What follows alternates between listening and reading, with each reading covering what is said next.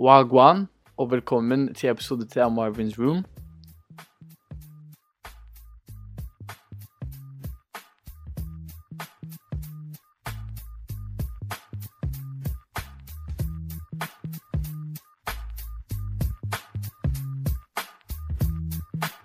We made it through the week, guys. I dag så har jeg med meg The Other Way in the Cut. Hvordan går det med deg? Det går veldig bra. Så går det med deg? Veldig bra med meg. Hvordan eh, har du levd under pandemien? For meg har det egentlig gått ganske greit. Um, selvfølgelig, det er kjipt at man ikke kan få reise, men jeg, jeg har Mm. et hektisk år i 2019. Um, så det var litt deilig å ikke måtte alltid reise. Liksom bare Ja. bli i, i Norge eller en Mm. plass litt lenger, da. Ja. Har du vært på en podkast før? Ja, har- jeg har gjesta noen podkaster, ja. Mm. Du har det? Har det. ja. Tusen takk for at du kom på min podkast i dag. Mm. I dag så tenkte jeg vi kunne snakke om hvordan du ble modell, og hvordan du holder troen din så nær mens du er modell. Fordi det er, jeg kan Mhm. tenke meg at liksom Det er ikke lett.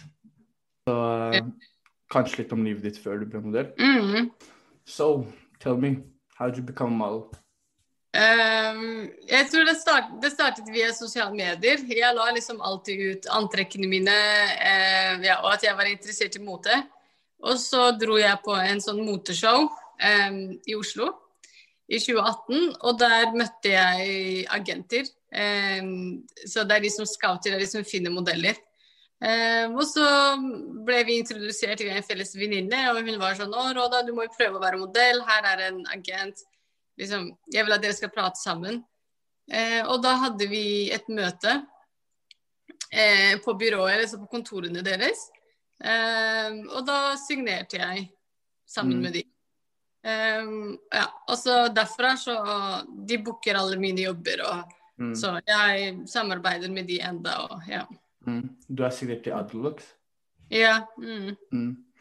Du, så du var influenser på en måte før du ble modell. ja.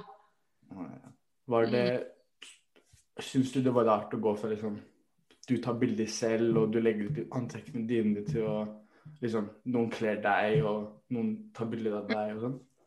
Ja, altså nivået eller standarden er jo mye høyere, fordi det du legger ut på de sosiale medier, det er ikke Du kan posere som du vil, og det er ikke, ikke sant? Det å være Når man jobber med mote og er modell, så blir det på en måte en kunst, fordi det er det er stylisten og fotografen sin visjon og klienten som du skal være med på å skape.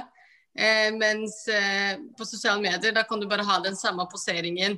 Du kan bare legge ut masse selfies og gjøre det Ja. bra. Eh, det kreves ikke det kreves ikke noe av deg. Du trenger ikke å være, du ikke å være profesjonell. Em, og da er det veldig annerledes. eh, ja, så du må på en måte legge fra deg den Insta-poseringen. Eh, Mm. Og lære hvordan modeller gjør det. Det er det fordi vi har nylig signert modellkontrakt.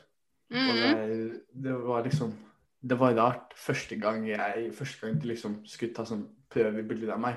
Det liksom, du går fra at søstera di tar bilde av deg, til liksom yeah. Gjør det her, gjør det her. ja, ikke sant. Hvordan, eh, hvordan var det første gangen din foran kamera? Var du liksom engstelig eller nervøs? Jeg vet ikke, Nei. jeg var nervøs. Var det? Ja. Jeg, er mer nervøs for mennesker. Altså, jeg er veldig komfortabel foran en kamera. Mm. Eh, men hvis det var for veldig mange, hvis det var en stor produksjon og det var veldig mange mennesker rundt, Mm. og så forventes det at du skal eh, ja, stå og posere som om det er ingen der, og være Ja. og know, gjøre masse Mm. bevegelser. Det syns jeg var eh, Den var litt vanskelig. Mm. Er du fortsatt vernepleier? Ja, jeg er det, ja. Mm. Så vernepleier og vernepleier, det er to forskjellige ting. To forskjellige verdener. Du, eh, hvordan på en måte klarer du å gå fra å være modell enke og så vernepleier den andre? Um, for meg så blir det liksom, når jeg er modell, så får jeg, da får jeg brukt den kreative siden av meg. Og jeg liker å jobbe med klær, så Mm. det er veldig spennende der. Men jeg er jo også en omsorgsperson, og jeg liker jo å ta vare på folk. Og jeg føler liksom at det er der jeg får være liksom Fordi jeg er en religiøs person, så syns jeg det også er at jeg må gjøre noe for livet etter døden. Og at jeg må vise at jeg er et godt menneske. Eh, og det får ikke jeg gjort bare ved å stå foran en kamera og Mm. posere. Eh, Mm. så jeg føler at jeg får gjort min del til samfunnet, da, og jeg Mm. får, hjulp- får vært med å, å hjelpe. Eh, men jeg liker den balansen veldig fint, fordi når du er modell, um, så er fokuset veldig på deg. Um, det er du som skal Ja, alt handler om deg, egentlig, og du er på en måte ditt eget varemerke.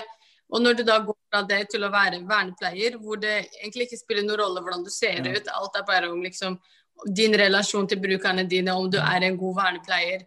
Eh, og da er det veldig mye det indre som teller, og hvor snill du er, og hvor forståelsesfull. Og, eh, og så er det veldig faglig, da, så du får eh, jobbet litt med faget også. Eh, jeg er veldig glad i den kombinasjonen. Har du mye tid av jobben pga. du Eller kanskje ikke nå, men i 2019, når du drev og gjorde ting med kostyme og sånn. Tok du mye tid av jobben da? Ja, det blir, når jeg ble signert som modell, så hadde jeg 100% vernepleierstilling, og da gikk jeg på jobb hver dag 8 til 4. Um, og når du da får en modelljobb og du må reise til utlandet og være der i fem dager, så må du jo uh, Jeg må jo søke om fri på jobben. Og etter hvert så fungerte det ikke, for da hadde jeg så mye fri. Um, så da måtte jeg jo si opp stillingen min og gå over til en annen Mm. stilling, mm, som er da ringevikar. Um, og da kunne jeg være i Norge og jobbe i strekk kanskje to-tre uker, og så kunne jeg være borte en hel måned uten at det var et problem. Det er bra. Det er bra. Mm. Men eh, jeg så også at du er mor til en liten Ja. Jeg, Mm. jeg syns det er så måte interessant og ganske inspirerende måten du bare klarer å gjøre alt det der. Du er mor, modell, vernepleier. Yeah. Mhm. Syns du det er vanskelig å finne den balansen? ja, noen ganger så er det vanskelig, fordi jeg tenker som mor så går jeg alltid rundt med dårlig samvittighet. Um, jeg har dårlig samvittighet når jeg må forlate henne for jobb. Uh, og før, når hun var yngre, så har jeg liksom prøvd å ta hun med jobbene mine. Um, og det, for meg har det fungert veldig bra, men det har ikke fungert for henne. Fordi hun vil ikke bli tatt ut av hennes barnehage. Hun liker å ha de rutinene hvor hun får være med vennene sine. Og? For når hun er på en shoot med meg, så sitter hun bare der, liksom. Og jeg leker med henne i, i, i lunsjen, og så løper jeg, ikke sant. Eh, og det- fungerte ikke helt, så til slutt så ble det bare at familien min passet på henne mens jeg var Mm. borte. Um, og hvis jeg ikke gjør jobben min, så får jeg også dårlig samvittighet, fordi jeg synes jo hun, hun må jo ha en mamma som er lykkelig, og en mamma som eh, ikke Jeg syns ikke hun skal få skylden for at jeg ikke oppnådde mine drømmer, da, og si at nei, men jeg valgte å være mamma. Eh, og så blir det Jeg er litt redd for at det skal bli ganske sånn toxic. Eh, sånn gift, litt sånn, at Det ødelegger forholdet vårt når hun blir Mm. eldre, da. Og så vil jeg ha at hun, at hun skal ha noe å se opp til. Om at OK, mamma klarte det her, det var vanskelig for henne, men hun gjorde det eh, dritfett, Ja. liksom. Fordi jeg, Mm. sto, eldste søsteren min, Yara, hun er mor, Mm. men hun studerer. Mm. Og liksom, vi yeah. hadde den samtalen før jeg kom på noe, liksom måten yeah. Det er måten dere må finne den type balansen hvor dere kan ikke hemme drømmene deres, men dere må også være en god mor. Mm. Og det syns jeg er jævlig fett. Selv fordi mamma er alene yeah. og hun klarte å ta vare på alle fem. Mm. Du, eh, du har jo en, en, en NRK-serie som heter Radva. Og Mm. jeg anbefaler den til alle som lytter på. Den, den er veldig bra. Den er faktisk jævlig bra. Jeg digger den. Kan du forklare meg litt om Mm. Fashion Week i Paris? Hvordan gikk det? Liksom, Hvordan var det? Ja, og eh, når man er utlending, så er det mye enklere. Fordi i Norge så er man kanskje en minoritet her, ikke sant. Men når du drar til, til Frankrike, og så kommer det så mange internasjonal presse, så er man ikke lenger Du blir ikke sett på lenger som en minoritet. Da er du bare OK, hun har fet stil, henne tar vi bilder av. Og da er det mye mer likestilt. Da. Du, har større, du har like stor sjanse til å bli stor. Mens f.eks. i Skandinavia um, så er det kanskje litt vanskeligere å slå gjennom. Uh, I København så var det f.eks. vanskelig. De eh, profilene som slår gjennom, er de blonde jentene. Um, men så drar du til Paris, og du kan dra til London, hvor det er enda større mangfold. Eh, og da har du like stor sjanse til å bli stor, og da handler det bare om hvor talent du er til å kle på deg. Eh, selvfølgelig, det er mye større press, fordi det kommer eh, veldig, veldig mange mennesker. Det er internasjonalt, så du konkurrerer jo med uh, motefolk over hele verden. Um, men det er jo enda gøyere. Der blir du virkelig utfordret. Og de eneste som skiller seg ut, er de med talent, og ikke bare de som ja, ser ut som alle andre, eller, eh, eller er store på sosiale medier, eller Mm. ja. Fordi når jeg så Mm. på den episoden, så var det liksom Det var sykt måten måten alle bare rusha til deg. Med en gang du kom ut av bilen, når du hadde på den capsen og korsetten, liksom, du kom ut og bare Hei. Ja. Jeg syns det var jævlig kult. Ja. Hvor Det, det er veldig kult. Men Den type oppmerksomhet der er mye kulere enn all, all, all annen Mm. oppmerksomhet jeg får. Fordi der er det de, de første sesongene så er det sånn De kjenner meg bare for stilen min. De, mange av de vet ikke hva jeg heter engang, og de vet ingenting om meg. Det eneste de vet, er Shit, hun der er fet stil. Det har vi lyst til å fotografere, og det vil motefolk se på. Um, så for meg så er det kjempestort kompliment at, uh, at det er stilen min som får meg til å slå Mm. igjennom. Hvor er det du fikk inspirasjon fra for å liksom ha det? Fordi det var liksom så mye, så mye forskjellig, men det gikk perfekt sammen. Ja. Selv Ja, det- jeg, liksom, alle fargene er fordi jeg er fra Somalia, så i Afrika er vi veldig Mm. fargerike i måten vi kler oss på. Eh, Så jeg vil fortsatt ha alle de fargene. Eh, mens klærne så er det sånn Jeg tenker det hadde vært veldig kult å, å gjøre kontraster. da, At man tar en litt sånn ganske pen kjole eh, og kanskje ta det med en hettegenser som er litt mer streetwear. Eh, og kanskje til og med legge på en caps, og så har man herligere Ja. i tillegg. Så jeg liker alle de kontrastene. Ting som egentlig ikke hadde vært eh, naturlig å sette sammen. Eh, men så bruker man det. F.eks. noen av kjolene er jo ganske eh, Nei, noen av, noen av plaggene er jo veldig sånn Det er festantrekk, og det har man bare på seg eh, i noen få anledninger i livet. Men jeg syns jo det er veldig trist, og jeg syns det er veldig gøy å gjøre sånne plagg til mer hverdagslige, da. Du Mm. var jo på coveret til Kostium. Hvordan var det å Mm. få ditt eget cover? Eh, det andre gangen jeg er nå. Første gangen var i 2019. Og det er jo det som eh, definerer ståa, da. Det forteller litt om hvor bra modell du er. Og etter en sånn cover så får du jo veldig mange jobber. Eh, og det er liksom Det blir en sånn eh, introduksjon til mote om at eh, OK, hun her er de, hun er kul, hun har mye gående for seg, alle må passe på, liksom. Det, Mm. Fordi liksom, coveret var sykt. Det var faktisk veldig fint. Det røde og alt sånt. Det, er liksom, Ja, takk. Eh, det var det var veldig kult. Mm. Men i tillegg til å være på co- coveret to ganger, du vant årets modell. Ja. Mm. Hvordan føles det liksom? å vite at du er årets modell? Ja, det er, det er helt utrolig. Det er helt, helt utrolig. For det, var, det er sånn, jeg føler jo liksom at jeg fortsatt er ganske ny, og jeg føler jeg har vært veldig heldig, og vi har jobbet beinhardt. Teamet har gjort veldig, veldig bra. Ehm, de har bygget meg opp veldig bra og gitt meg kule jobber. Uh, som også har fått til at jeg har fått enda mer jobber, fordi den ene jobben har ført til den andre. Uh, så det har vært veldig tøft. Uh, eller veldig, ting har skjedd veldig fort, da. Så det er veldig fint å liksom få anerkjennelse av moteverdenen. At de liksom bare OK, vi ser hva du har gjort så langt. Dere har jobba veldig bra. Eh, gratulerer, her har dere en pris, liksom. Mm. Fordi mashallah, du bare gjør større. Du bare blir større og større. Ja. Og eh, det, er, det, er veldig, det er veldig gøy å se noen med hijab og noen som er brun gjøre sånne ting. ja. Det er ikke mange. Nei, det er ikke mange. mange. Og jeg håper, jeg håper at jeg kan liksom åpne opp veien da, til at eh, minoriteter i Norge kan ta sånne jobber, kan komme Kan Mm. se for seg en karriere innenfor kulturlivet, innenfor det kreative. Mm. Mm. Fordi du har også vært på Vogue, Vogue Arabia. Ja.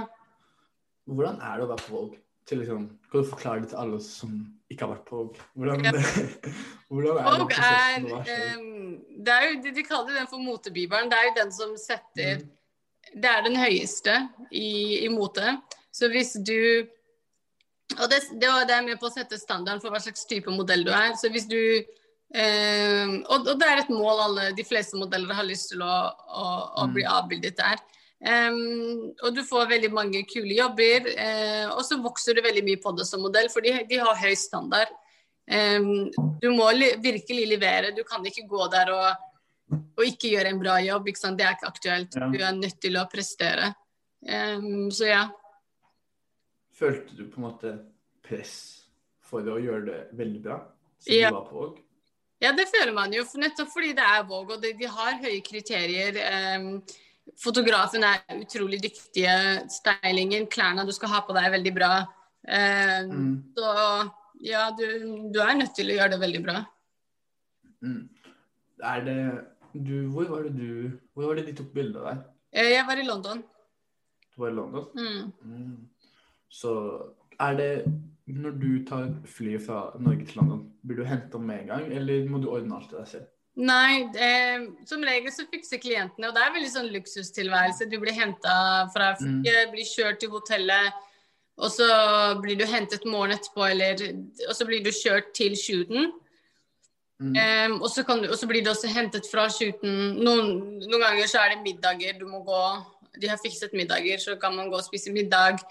Eller så fikser de middag for deg i en restaurant. Eh, så kan du gå på den restauranten, og så henter de deg fra hotellet til flyplassen. Så det, det Mm. alle sånne kostnader og alt sånt så fikser eh, Det fikser klienten. Mm. Mm. Jeg kjenner til to modeller som bruker hijab. Mm. Og som en medmuslim så kan jeg si at liksom, det med å bruke hijab og at du er på som sånn kommer press, hva er det som har gitt deg den drivkraften til å holde tronen så nær deg, Mm. men samtidig går det etter drømmene? Fordi for ca. sånn fem-seks år siden, det var, ikke, det, var, jeg, det var ikke mange som trodde det var mulig.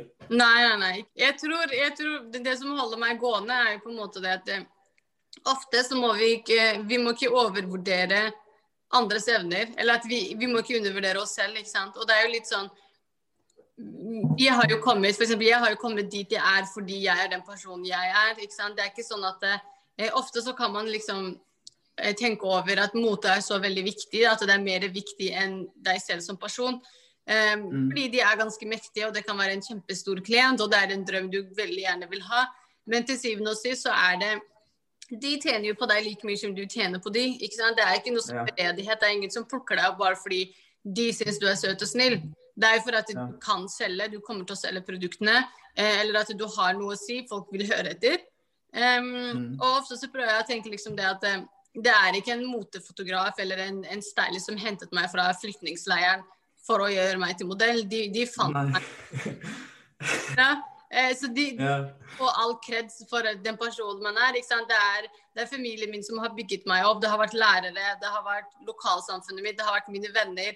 Og motet har jo bare funnet meg som et resultat av alt det harde arbeidet og all den godheten og snillheten jeg har opplevd i livet. Så jeg tror det gjør det mye enklere for meg å holde beina på jorda, og at jeg fortsatt klarer å holde troen min. Og jeg tenker liksom Gud har jo fått oss gjennom de verste tidene i, vårt liv, og hvis jeg ikke Altså hvis jeg holdt troen min da, så skal jeg i hvert fall holde troen min nå. Og denne modelljobben er ikke viktigere enn enn det som gir meg ro i sjela mi. Eh, Mm. og, og det skal man jo ha hele tiden. Og de fleste jeg jobber med, er jo veldig fornøyd med det. De har jo ikke Jeg ber jo på shoot, jeg tar med mitt eget bønneteppe og ber eh, og får fem minutter pause til å be. Det, det har aldri vært et problem, men du må, du må på en måte vite selv hvem du er, og du må ha integritet. Så når du kommer inn til en klient, så må du allerede vite hva du vil og hva du ikke vil. ikke? Du informerer dem at hei, jeg viser ikke hud, jeg skal alltid gå med hijab, jeg skal ikke vise hår. Eh, og når det er pause, mens alle bare sitter og, og tar pause, så kan du bare ta deg i bakrommet og, og be. Og det er ingen Jeg har aldri opplevd at jeg ikke får lov til det. Mm. Mm. Mashallah, mashallah. Eh, har, har en klient spurt deg om å ta den av?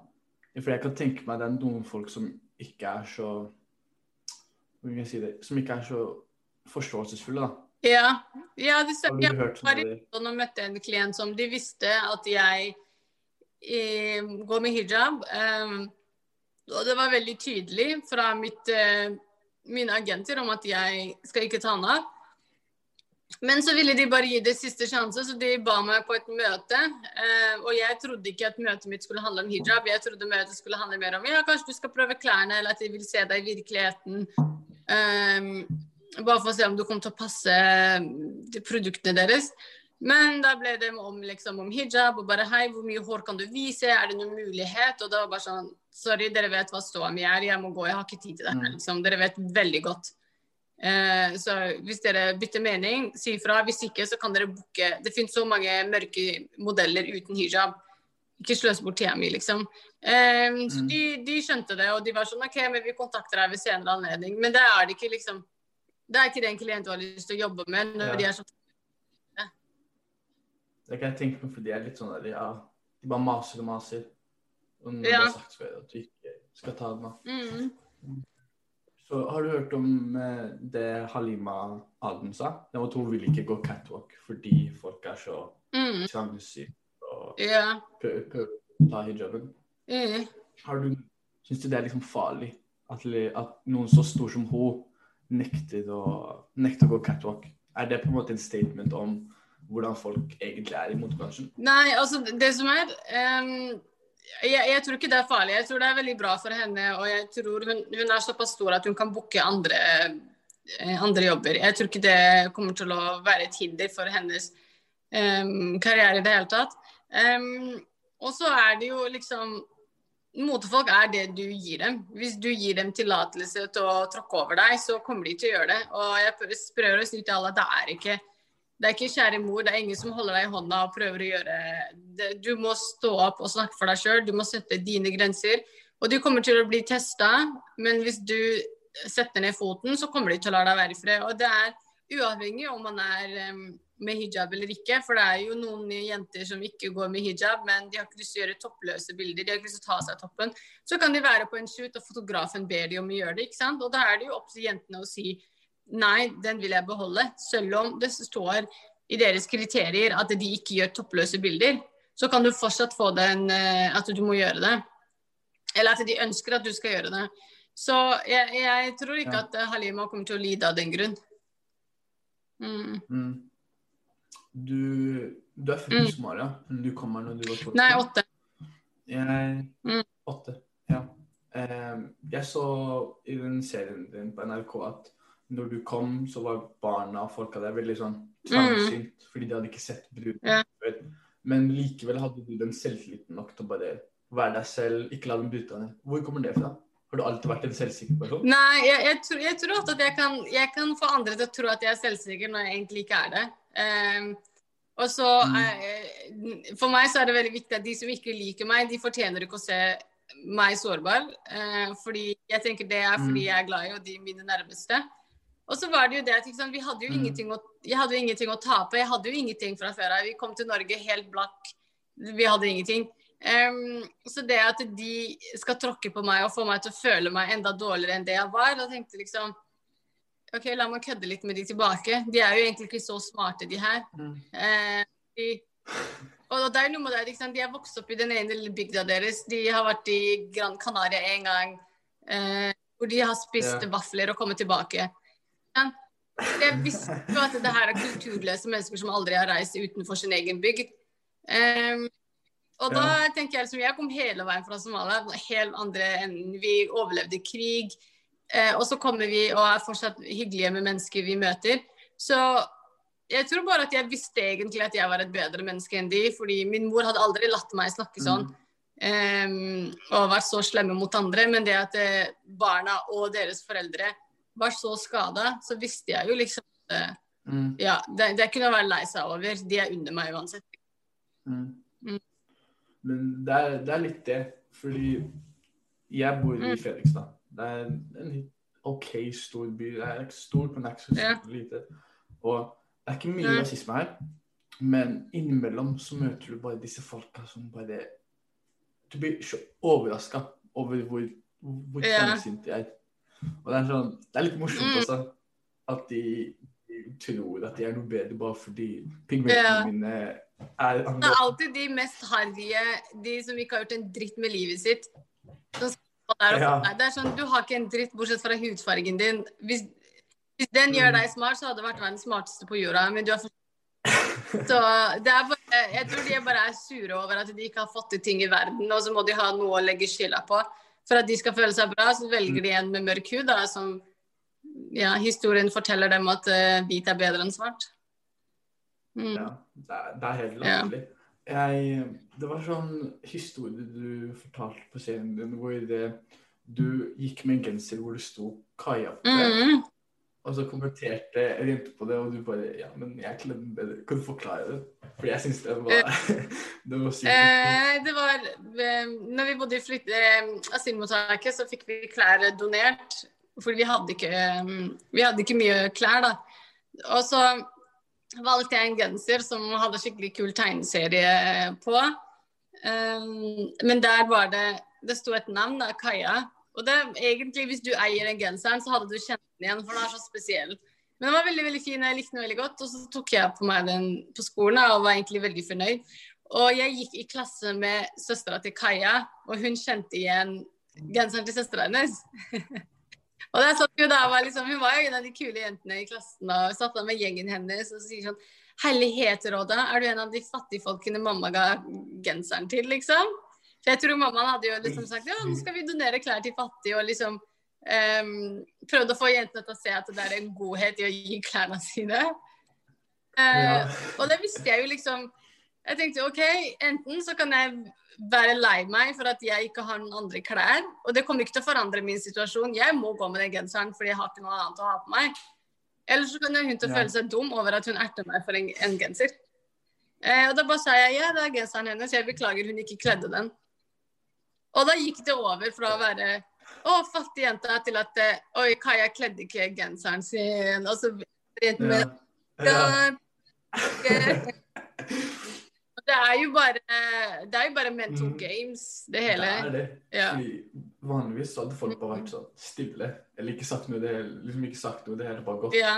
Men jeg tror, jeg tror for meg så Jeg hadde jo godtatt at jeg var fattig. Jeg hadde godtatt at vi var flyktninger. Jeg hadde godtatt at eh, noen mennesker tror de er bedre enn meg fordi jeg er svart. ikke sant? Ja. Og etter det så blir det bare eh, Når du ikke har en krig med deg selv Jeg var jo ikke usikker på noe som helst. Og jeg tenkte OK, this is det her er situasjonen vår, det blir bedre, det kommer til å bli bedre i livet. Men akkurat nå så har vi det kjipt. Eh, og når du innrømmer det og godtar situasjonen deres, og du er tilfredsstilt med det dere har, så er det veldig få som klarer å komme og, eh, og ødelegge den um, you know, den gode mental state eh, man mm. har til, da. Det, det, jeg syns det er så det er fantastisk måten du bare setter ord på det. At du, bare var, du var så ung, men bare klarte å ja. Men greit mat, det som skjedde. Mm. Når var det du flytta fra bygda? Eh, når vi fikk oppholdstillatelse, så det var, vi bodde der i et år ca. Mm. mm. Hvor flytta du til? Eh, da flyttet vi til Skien. Det er ikke så langt unna. Det er sånn, kanskje en time unna bygda. Mm. Så Skien er på øst, ikke sant? Det øst. Mm. Hvordan, var, hvordan var Skien? Ocean var, det var bra. Da var det sånn Flere eh, Jeg tror første gangen Da hadde vi et sted å bo, og vi visste liksom at OK, her kommer vi til å bo her i mange år.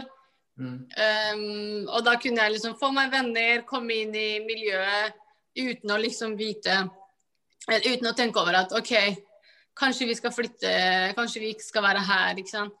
Så for meg så var det veldig fint. Det var veldig trygt. Mm. Mm. Opplevde du at lærerne dine var litt sånn Hadde sånn frekke kommentarer fordi du ikke med hijab og fordi Ja. Jeg tror, jeg tror egentlig problemet var um, F.eks. når man er en flyktning og du er en jente i tillegg, så, så er det veldig mange, som, veldig mange voksne som snakker til deg eh, med en sånn slags eh, De gir deg alltid ordre. De skal bestemme ja. hvordan du skal, de skal fortelle deg, fordi du er så stakkarslig. Og de vil mm. egentlig bare hjelpe. Og de skjuler den derre deres eh, undertrykkelse med at de skal hjelpe deg. Men det er, mm. det er, jo ikke hjelp. De skal jo ikke hjelpe deg. De skal bare få deg til å bli akkurat det de vil, fordi du gjør de ukomfortable, ikke sant. Og jeg kan jo se for meg de hvis de er eh, jeg vet ikke, 30-åringer, blitt lærere og kanskje ikke har bodd andre steder enn eh, en Norge, og så kommer det en sånn åtte år gammel flyktningjente som ikke gidder å bøye seg for det de sier. Så en jente som de ser på som ikke er så veldig mye verdt, da. Så for meg så var det Så når jeg ble mobbet med hijaben, og det ble veldig stor sak, så, så samlet lærerne seg, og, og, de inviterte mamma på det møtet. Og det, da skulle de på en måte finne tiltak for hvordan man kunne stoppe mobbingen. Og et av de tiltakene deres var at jeg kanskje skulle slutte å gå med hijab. For mm. da hadde ikke de barna noe å si. Eh, og det kunne være f.eks. hvis jeg satt i klassen da, og en av guttene i klassen dro av meg hijaben, og jeg gikk og sa til læreren hei, han dro av meg hijaben, så kunne hun si ja, men Råda, han er jo bare nysgjerrig på hvordan håret ditt ser ut, fordi du dekker deg alltid til. Nei. Ikke sant? De, altså, de voksne Ja. jeg, når jeg vokste opp, de voksne var verre enn barna. Um, Så da, da var det jo fritt fram for meg til å gjøre hva jeg ville, fordi de voksne brydde seg ikke. Og da gikk jeg i gymtimen, og når vi hadde gym, så dro jeg buksa til han gutten. Uh, ja. Og så ble jeg selvfølgelig sendt på rektors kontor, og når han spør hvorfor dro du av buksa, så jeg men jeg har aldri sett tissen hans, fordi han dekker den til hele tida. Jeg var bare nysgjerrig. Ja. Og jeg sa akkurat det samme som læreren sa, og han skjønte det. Og jeg sa han dro av meg sjalet. Læreren sa det til meg. Det betyr at uh, da kan du bare gå og dra av klærne til alle sammen, da. Mm. Og da, det var jo liksom sånn Det hadde jo ikke trengt å bli noe stort greie hvis læreren hadde sagt til gutten ikke ta uh, råd av hijaben. ja. Men eh, ja, jeg tok jo alltid, alltid bare tilbake. Men det er det. Det er vanligvis når du er så ung, når du er barn, det er vanligvis voksne som er litt sånn mer kjipe enn barn. Ja. Mm. I hvert fall, jeg har opplevd at voksne er mer liksom, De skjuler den rasistiske, rasistiske holdningen med å prøve å hjelpe. ja, ikke sant. Eller, men når, når du liksom kommer, kommer til dem med en problem, så er det mer sånn at bare du er problemet. Så bare slutt å liksom være deg selv. ja. Og det, er- det er litt sånn dårlig. Ja, det er veldig dårlig. Det eskalerer hele situasjonen, og du mister tilliten til de voksne, og det blir liksom ja, Det blir veldig vanskelig. Det blir det. Men eh, heldigvis så Verden går jo fremover. Ja, det Det gjør er, så det er mer og mer folk som er forståelige, og de vet Ja. at uh, det er lov at de burde ikke Det er flere, det er jo flere av de snille enn det er av de slemme. Så det var jo sånn eh, Når jeg begynte på ungdomsskolen, så hadde jeg en skikkelig kul lærer. Eh, og han var sånn Jeg tror det er første gangen jeg opplevde at en lærer sa det som er rettferdig. Eh, Mm. Og hvis noen ertet meg, så Han hadde jo sånn null mobbetoleranse. Ingen fikk lov til å eh, angripe noen andre. I hvert fall ingen fikk lov til å være fysisk. Jeg var på barneskolen, så guttene bare slo deg, liksom. Og det var Mm. det var det. Em, så jeg tror også liksom eh, Man trenger bare alltid en eller annen snill person. I hvert fall når man er barn da, og, kanskje er litt sånn der, eh, litt, eh, føler seg litt utrygg, så trenger man bare en voksen person som ser deg. Eh, og så glemmer Ja. du alle, alle de andre kjipe. For da kan du alltid gå til han og fortelle hvis en annen lærer har vært urettferdig, og du har blitt urettferdig behandla. Ja. Mm. Men det er, det er viktig å ha den ene personen der som bare backer deg. Mm. Der. Ja, absolutt. Jeg synes, jeg, det var ikke lærer som var sånn person, det var mer mamma av dem. Jeg, var, jeg er heldig nok til å liksom Jeg har fire voksne kvinner som er rollemodellen min. Oh, ja, ja. Liksom, mamma og søstrene mine de, liksom, Mm. de har alltid vært der for meg, kommer alltid til å være der for meg. Så bra. De, de pleide alltid å si til meg sånn Hvis du har et problem, si det til oss. Eller ikke slå noen, ikke være frekk. Og jo, jo eldre jeg blir, så setter jeg pris på det. Fordi jeg merker de vil bare det beste for meg. Ja, ikke sant. Og det er veldig fint. Mm, Det er kanskje viktig å ha folk som støtter deg. mm. Mm. Men eh, det er også veldig mange som ikke har, har noen som støtter dem. Mm. Som er ganske trist. Det er det. Det blir veldig eh, vondt. Mm. Men hva, hva, hva er planen din for fremtiden? Det er kanskje ikke så mye nå som korona Ja. er her, men etter det Nei, det er bare å jeg, jeg liker egentlig mm, veldig godt hvordan livet mitt har blitt. Og det er bare sånn Jeg tar bare ett år av gangen og just go Ja. it. Og jeg gjør det jeg føler er um, riktig for uh, i, i karrieren min og, og for livet mitt. Og så men jeg er ikke sånn, jeg har ikke femårsplan og you know, jeg er jo ikke det der. Ja. Men ja, det, er, det er viktig å leve in the moment. I hvert fall Ja. nå. Ja, man glemmer det veldig, og jeg tror i hvert fall det er en av de tingene man skal ta av um, denne pandemien. Det er liksom Mm. man, man går og gleder seg, eller man ser fremover hele tiden. At du, du klarer ikke å ta nytte av de fine tingene du allerede har nå. Um, og jeg, jeg opplever i hvert fall det med mote, fordi ting skjer så raskt. Og det er sånn jeg får en kul jobb, og jeg er gira over den, og så er den over, og så får du en annen en jobb, og så um, Og så går man hele tiden og jager etter mer og mer. Em, men det er veldig fint å bare ta det litt rolig og si alhamdulillah for det man har fått det så langt. Uh, og det man har fått i livet sitt. Det er en veldig kul plattform, og jeg, jeg syns alltid det er så fint å se de yngre generasjonene er så smarte og uh, så liksom, proaktive da, til å skape noe. Det er veldig kult. Hey, og med det skal jeg legge igjen en liten affirmation. Ta hver dag som det kommer, og live in the moment. Og med det vil jeg bare si tusen, tusen takk til alle som hører på, og tusen takk til deg, dere som kom på. I appreciate it. Peace easy.